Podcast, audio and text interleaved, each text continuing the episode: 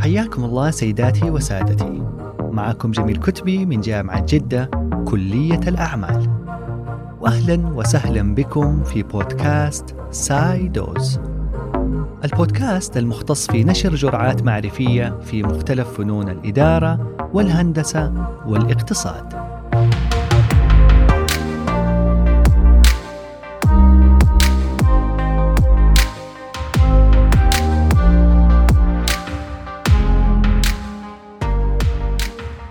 اليوم خصصناها للحديث عن نصف المجتمع عن المكون الأساسي واللبنة الصلبة لكل أسرة ومجتمع ناجح ومنتج. ألا وهي المرأة. فحديثنا حيكون عن موضوع يمس الرجال قبل أن يمس النساء. وراح نعرف ليش في نهاية الحلقة. موضوع حلقتنا هو عن رواتب السيدات. والفجوة بين رواتب المرأة والرجل في سوق العمل. راح نحلل الموضوع ونشرح هذه المشكلة اللي نلاقيها في مختلف دول العالم حتى المتقدمة منها. فعنوان الحلقة هو رواتب القوارير. واللي استوحيته من حديث نبينا صلى الله عليه وسلم حينما قال: رفقا بالقوارير. وهدف هذه الحلقة هي الرفق بالقوارير ومساواة رواتبهم برواتب الرجال. تمر المرأة خلال مسيرتها الوظيفية بعدة مراحل. توجب على صاحب المنشأة زيادة راتبها والمميزات المصاحبة لوظيفتها. وهذه المراحل مشابهة لمراحل التطور الوظيفي للرجل. والفرق الوحيد هو أن معظم السيدات ينجبن أطفال في فترة معينة من حياتهن. وهذا يدفعهن للتوقف عن العمل لفترة محدودة في كثير من الأحيان. إلا أن أثرها في المسار الوظيفي من حيث صعوبة العودة أو تعويض ما فاتها من خبرة يكون ذو أثر على دخلها. في وقت لا يتوقف الرجل عن العمل طوال تلك الفترة. فعلى أرض الواقع نلاقي أن الرجل يحصل على زيادة في راتبه أكثر من تلك التي تحوز عليها المرأة خصوصا لما يحمل كليهما نفس المؤهلات العلمية والخبرات العملية هذا الوضع يخلينا نتساءل لماذا لا تحوز المرأة على نفس الزيادة اللي يحصل عليها الرجل؟ هل السبب هو عدم كفاءتها؟ أو أن مخرجاتها وإنتاجيتها أقل من الرجل؟ وعلشان كده ما تستحق هذه الزيادة؟ بالرجوع للأبحاث العلمية نلاقي أن الرجل والمرأة يختلفان عن بعضهما في طريقة معالجة البيانات Information Processing. فكل منهما يملك أسلوب مختلف عن الآخر. ولكن هذا لا يعني أن الرجل أفضل من المرأة أو أن المرأة أفضل من الرجل في طريقة معالجة البيانات. فعملية تحليل البيانات عند الرجل لها مميزاتها وعيوبها وكذلك المرأة. مما يعني أن الكفة متساوية ولا يمكن تفضيل جنس على آخر حينما نبحث عن مرشح لشغر وظيفة معينة. باستثناء وحيد وهي الوظائف اللي تتطلب بنية جسدية قوية فنلاقي أن الرجل يكون أنسب لشغرها من المرأة. علشان القوة البدنية اللي ربنا منحها للرجال وتختلف عن القوة البدنية التي تمتلكها المرأة. فالمرأة أثبتت جدارتها على جميع الأصعدة وواجهت الثقافة الذكورية بكل نعومة وفاعلية. فأصبحت منافسا قويا في سوق العمل ومجال الأبحاث العلمية أيضا. بعد ما كانت مسلوبة لهذا الحق ولا تحظى بأصغر الفرص الوظيفية إلا تضمن لها الاستقلال المالي علشان تعيش حياة كريمة. فالمجتمعات الغربية مرت بمظاهرات نسائية وأحداث دامية أدت لصدور تشريعات وقوانين تضمن لها فرصة متساوية بالرجل. فأصبح وجودها وتنافسها في سوق العمل شيء طبيعي هذه الأيام. أما بالنسبة لمجتمعات العالم الثالث فنلاقي أنه بعض دولها سلكت شوطا كبيرا لإعطاء المرأة حقوقها إلا تساويها بالرجل في سوق العمل. ولكن في الكفة الأخرى نلاقي أنه بعض الدول ما زالت في أول مراحل إصدار تشريعات لحل مشاكل المرأة الوظيفية. وبكذا يكون هذا الملف من أكبر العوامل والتحديات اللي تواجه التنمية في تلك البلدان. فلو عرفت تلك الدول أنه عدم وجود المرأة بسوق العمل أو عدم إعطائها نفس الفرصة أو عدم منحها نفس الراتب راح يؤدي الأضرار اقتصادية كبيرة وأرباح مفقودة في سوق عملها لغيرت تشريعاتها مباشرة وسعت وراء تطبيقها فورا. ففي 2012 ميلادي وجد الباحثون في بوزان كو أنه إذا تساوى معدل توظيف النساء مع معدل توظيف الرجال لزاد الدخل القومي لأمريكا بنسبة 5% واليابان 9% ومصر 34% والهند 27% وهذا الفرق الكبير في الدخل القومي يعتبر مهم جدا خصوصا خلال الأزمة الاقتصادية اللي يمر بها العالم ويعاني منها خلال الفترة الأخيرة. فالتشريعات والقوانين والاتفاقيات المحلية والدولية اللي تحفظ حقوق المرأة هي جزء مهم جدا من المعادلة. ولكن في هناك جزء آخر مهم جدا أيضا وهو قيام الإنسان بطلب الترقية وزيادة الراتب عبر عملية مفاوضات مع الكيان اللي يعمل فيه. فالأرقام تذكر بأنه نصف الرجال يقومون بالتفاوض لترقيتهم ورفع رواتبهم بينما نجد أنه ثمن النساء فقط. يقمن بالتفاوض من أجل الحصول على راتب أكبر ومميزات وظيفية أفضل. وبمعرفة هذه المعلومة هل نقدر نقول أنه مهارة التفاوض هي العامل الأهم في عملية زيادة الراتب؟ وهل نقدر نقول استنادا على نفس هذه الأرقام بأن الرجال يملكون قدرة تفاوض أفضل من النساء؟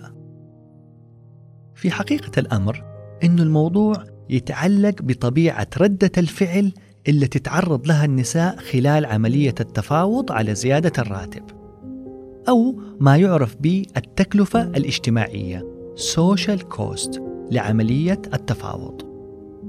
وهي باختصار الآثار السلبية الناتجة عن خوض الذكر أو الأنثى لهذا النوع من المفاوضات. فهناك في عدة دراسات وجدت أن التكلفة الاجتماعية لعملية التفاوض عند النساء أعلى من تلك عند الرجال. هذا يعني أن المرأة قد تخسر الكثير نتيجة مفاوضاتها لرفع راتبها.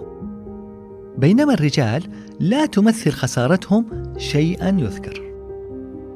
بالإضافة لذلك إحنا ما نقدر نلوم السيدات إذا خسروا هذه المفاوضات لأن الخسارة هي نتيجة البيئة الاجتماعية إلا ما ساعدت المرأة في عملية المفاوضات. وبكذا فعدم قدرتها على التفاوض ما كانت السبب وراء خسارتها لتلك العملية التفاوضية وهذا هو التفسير العلمي وراء قيام القليل من النساء الدخول في عملية مفاوضات لمحاولة الحصول على ترقية ورفع راتبها الوظيفي. بالإضافة لذلك وجد الباحثون أن النساء يملك قدرة عالية على التفاوض حينما يمثلن شخص آخر خلال المفاوضات. ولكن المشكلة تكمن فقط لما تقوم السيدة بتمثيل نفسها مباشرة في عملية التفاوض. أما بالنسبة للرجال فلا يوجد فرق حينما يقوم بتمثيل آخرين أو يمثل نفسه في عملية المفاوضات. ولذلك نقدر نقول أن المشكلة لا تكمن في عدم قدرة المرأة على خوض عملية المفاوضات لأنها بتقوم بعملية المفاوضات بكل نجاح لما بتمثل غيرها. وأيضا ما نقدر نقول إنها لا تملك الموهبة أو الخبرة أو الشهادات إلا تأهلها للحصول على راتب أعلى. فالمشكلة تكمن في عدم وجود المناخ المناسب أو الجو المحفز. واللي يمهد لخوض عملية مفاوضات عادلة وموضوعية وبناءة بعيدا عن التحيز أو التطرف للذكور. الحل بكل بساطة يكمن في استخدام أسلوب عقلاني وموضوعي. يعطي الموظفة الحق والغطاء القانوني والأخلاقي في حصولها على علاوة أو زيادة في الراتب. فمن غير المنطقي طبعا أنه تقوم سيدة بطلب زيادة في راتبها بينما نلاقي أنه أدائها الوظيفي كان منخفض خلال المواسم الماضية. أو أنه قدراتها وشهاداتها ما تأهلها لصعود السلم الوظيفي واللي يتطلب مواصفات ما تتوفر فيها في الوقت الراهن. ففي هذه الحالة راح تكون عملية المفاوضات نتائجها معروفة مسبقا. وإذا قامت بهذه المفاوضات في هذا الوضع راح يعتبر انتحار وظيفي لأنه راح يفقدها الحق في طلب أي زيادة في المستقبل أو أنه يضعف موقفها ويهز صورتها في أي مفاوضات مستقبلية. فأفضل الأوقات لطلب زيادة الراتب أو الترقية هو بعد إتمام مشروع معين بكل نجاح وفاعلية. وقتها يكون وضع الموظفة قوي ويدعم طلبها منطقيا. فمن الأشياء الكويسة اللي تدعم عملية المفاوضات وموقع الموظفة إنها تستشهد بقصص نجاح مشابهة حدثت سابقا لموظف أو موظفة داخل الشركة. فتم تحفيزهم ومكافأتهم عبر رفع الرواتب والمميزات أو الترقية. بالإضافة لذلك فإن اختيار الوقت المناسب واللي تكون فيه علاقة الموظفة جيدة بالموظفين والمدراء هو الوقت الأمثل للإقدام على هكذا طلب. ولا ننسى أنه من أهم الخطوات أيضا خلال عملية المفاوضات أن تقوم الموظفة بطرح عدة نقاط تطويرية راح تقوم بتطبيقها حينما يتم ترقيتها أو رفع راتبها. وبكذا راح تظهر قدراتها ومبادراتها على تطوير الأعمال وزيادة فاعلية العمليات وإنتاجية العاملين داخل المنشأة كما يمكن أن تتضمن هذه المبادرة أي فكرة تطويرية تساهم في رفع جودة المنتج أو الخدمة حتى لو كانت صغيرة. فالتطوير المستمر مهم جدا لبقاء الشركة في سوق العمل. فالمديرين والمديرات دائما ما يحبوا الموظف أو الموظفة اللي يكون عندها شغف دائما للتطوير المستمر وعندها حس المبادرة. وهذا الشيء طبعا ما راح يظهر فجأة كذا من العدم خلال عملية المفاوضات. لا المفروض يكون هذا الحس موجود فيك أصلا ولكن أنت بتطرحه خلال عملية المفاوضات للتأكيد على استمراريتك في التطوير المستمر وإلتزامك بنمو وازدهار هذه المنشأة وإنك أنت جزء من هذا الكيان المهم ولديك حرص كبير جدا على نجاح هذه المنظمة وازدهارها وتميزها عن باقي المنظمات في نفس القطاع. إن تطبيق الأسلوب العقلاني والموضوعي يتمثل في القدرة على إبراز المرأة موهبتها في المفاوضات وإثبات إنها تملك القدرة على خوض تلك العملية التفاوضية مما يجعل منها إضافة نوعية للشركة. هذه الإضافة النوعية راح تجعل المرأة جزء لا يتجزأ ومهم من الشركة. وبذلك راح تكون في صف المفاوض اللي يمثل الشركة فتقل احتمالية خروجها بنتائج سلبية من المفاوضات. بالإضافة لذلك راح يشعر ممثل الشركة إنه هذه الموظفة ما تشكل خطر أو عبء على هيكل الشركة أو العلاقات الداخلية بالمنشأة. كونها راح تضيف قوة إلى هذا الهيكل التنظيمي والإداري.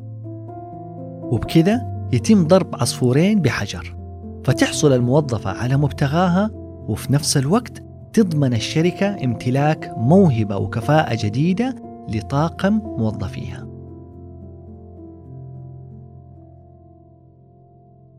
للأسف في سوق العمل في مقولة أو مفهوم خاطئ جدا في الشركات وهو أنه أفضل وقت لطلب زيادة الراتب يكون خلال حصول الموظفة على عرض خارجي. فتقوم وقتها بمفاوضات لمحاولة رفع راتبها. وفي حقيقة الأمر أنه هذه الطريقة قد تكون سلبية وذات عواقب وخيمة. كونها تعكس عدم حرصها على الشركة وانعدام شعور الانتماء بداخلها لأن البعض يعتبرها كأسلوب ابتزاز. لكن البديل في حالة الحصول على عرض خارجي مغري هو أن تقوم الموظفة بطلب اجتماع مع مديرها تقوم في هذا الاجتماع بشرح وضعها بكل شفافية ودبلوماسية ورقي. وتحاول تركز على نقطة مهمة جدا وهي إنها ما تتمنى الرحيل عن الشركة كونها تلاقي مستقبل مشرق لها واستقرار في شركتها الحالية. وبعد ما تقدم هذه المعلومة المهمة تقوم بالتطرق لموضوع الراتب وإنه يشكل فرق كبير جدا على حياتها المادية واستقرارها الوظيفي. وتذكر أنه الزيادة في الراتب راح تساعدها في الوفاء بالكثير من الالتزامات المادية إلا في حياتها. وبهذه الطريقة تكون قد عكست وأبرزت انتماءها وولائها كأساس وقاعدة صلبة لعملية المفاوضات. فيصير موضوع الراتب شأن ثانوي وتزيد فرص حصولها على عرض داخلي مماثل لنفس العرض اللي جاها من شركة خارجية. فهذه الطريقة الاستراتيجية والدبلوماسية إن شاء الله راح تساعد في نجاح عملية المفاوضات وفي أسوأ الاحتمالات ما راح تضر بأي عملية مفاوضات مستقبلية تفكر في خوضها هذه الموظفة. فعودا على موضوع الفجوة بين رواتب الرجل والمرأة ذوي الكفاءات المتماثلة ما زالت هذه الفجوة كبيرة في كثير من الدول للأسف. فبالرجوع لبعض الدراسات الحديثة مثل تلك الصادرة عام 2020 من المنتدى الاقتصادي العالمي World Economic Forum نلاقي أن الإمارات العربية المتحدة احتلت المرتبة الأولى عربيا والمرتبة الثانية والسبعين عالميا من ضمن 156 دولة حول العالم وتقدمت 48 مرتبة عن 2019 ونلاقي أن المملكة العربية السعودية حازت على المرتبة ال 147 متراجعة مرتبة واحدة عن 2019 والكويت المرتبة 143 وتونس 126 والمغرب 144 وقطر 142 وسوريا 152 واليمن 155 فعبر هذه الأرقام نلاقي أنه هناك فجوة واضحة بين الواقع والمأمول. رغم أنه تشريعات وزارة الموارد البشرية والتنمية الاجتماعية تنص على مكافحة التمييز بين الرجل والمرأة في سوق العمل وعلى تحفيز التوازن بين الجنسين. لذلك أتمنى من صانعي القرار أن يلتفتوا لهذا الملف المهم جدا خصوصا في تساوي الرواتب بين الذكور والإناث في حالة حملهم لنفس المؤهلات وسنوات الخبرة. لما سيحققه من عدالة اجتماعية وتطوير إنساني ونمو اقتصادي كبير. فالمرأة هي نصف المجتمع والمساهمة في رفع دخلها راح يساهم في رفع دخل الأسرة الكلي. وهذا يعني أنه مستوى المعيشة راح يكون أفضل وتحقيق أحلامهم راح يكون أسرع. وأخيرا لازم ننوه بأنه استخدام الحل العقلاني والموضوعي في عملية المفاوضات ما راح يضمن للموظفة زيادة الراتب ولكنه راح يزيد من فرص حصول المرأة على الترقية وزيادة الراتب وهذا ما نهدف إليه عمليا. المهم هو إنه هذا الحل راح يخرج المرأة من دائرة المفاهيم الاجتماعية الخاطئة والسلبية واللي أضرت بيها وبمستقبلها الوظيفي. فما سيتم في نهاية المطاف هو استثمار في أمهاتنا وأخواتنا وزوجاتنا وبناتنا علشان يملكوا فرصة متساوية بتلك التي يملكها الرجل. ولا ننسى أن الاستثمار في المرأة هو أنجح الاستثمارات على الإطلاق كوننا نستثمر في عائلة كاملة فقياس تطور المجتمعات يعتمد على عدة مقاييس من أهمها درجة تقدم النساء بتلك الدول. فالبعد الاقتصادي والاجتماعي والسياسي لتلك المساواة سيكون إيجابي بكل ما تحمل الكلمة من معنى. وهذا ما نراه أمامنا من تمكين للمرأة السعودية في مختلف المجالات، سواء في القطاع الخاص أو الحكومي. فلا يمكننا نسيان برنامج الابتعاث للخارج في عام 2006 ميلادي واللي استفادت منه عشرات الآلاف من سيدات هذا البلد المبارك فرجعوا وساهموا في تطوير ونهضة المملكة في مختلف المجالات وبعدها هبت رياح التغيير اللي حلت علينا في رؤية 2030 فنلاقي اليوم أنه نسبة النساء في مجلس الشورى أعلى من نسبة النساء في الكونغرس الأمريكي. كما أصبحت المرأة السعودية سفير بلدها في مختلف دول العالم وأهمها. وأصبحت قائدة في القطاع البنكي والنفطي والصناعي وغيرها من مجالات. وأصبحت نائبة ومساعدة ومستشارة للوزراء ومتحدثة باسم الوزارات وغيرها من تطورات هائلة ونوعية حدثت في السنوات الماضية. وهذا يدل إننا نسير في الطريق الصحيح فيما يخص تمكين المرأة على كل الأصعدة. لكن يظل أمامنا طريق طويل في المساواة بين رواتب الرجال والنساء علشان يوصل تصنيفنا العالمي لمراتب متقدمة بحول الله. فاللي نطمح ليه هو التطوير المستمر للوصول والاقتراب من الكمال بقدر المستطاع. وهذا هو توجه الدولة. وسمعنا هذا الشيء خلال اللقاء التلفزيوني في شهر رمضان مع سمو ولي العهد الأمير محمد بن سلمان حينما سئل ماذا بعد 2030 فأجاب 2040 بمعنى إننا ما راح نتوقف عن تطوير طموحاتنا وأهدافنا وراح نستمر في سد الفجوات بعزيمة لا تنقطع فمن يقف مكانه حتى لو كان في المقدمة فهو فعليا في تراجع. وفي ختام هذه الحلقة أود أن أقول بأنه يجب أن تكون كل قضايا المرأة هي قضايا الرجل، وكل قضايا الرجل هي قضايا المرأة، لأن خسارة أحدهما سيؤدي لدمار الآخر.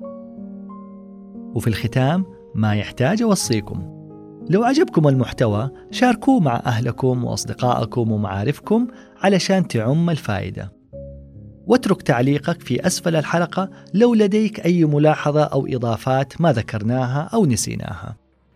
ولا تنسى تقيم الحلقة من خمس نجوم وتشترك في القناة علشان يوصلك كل جديد بحول الله.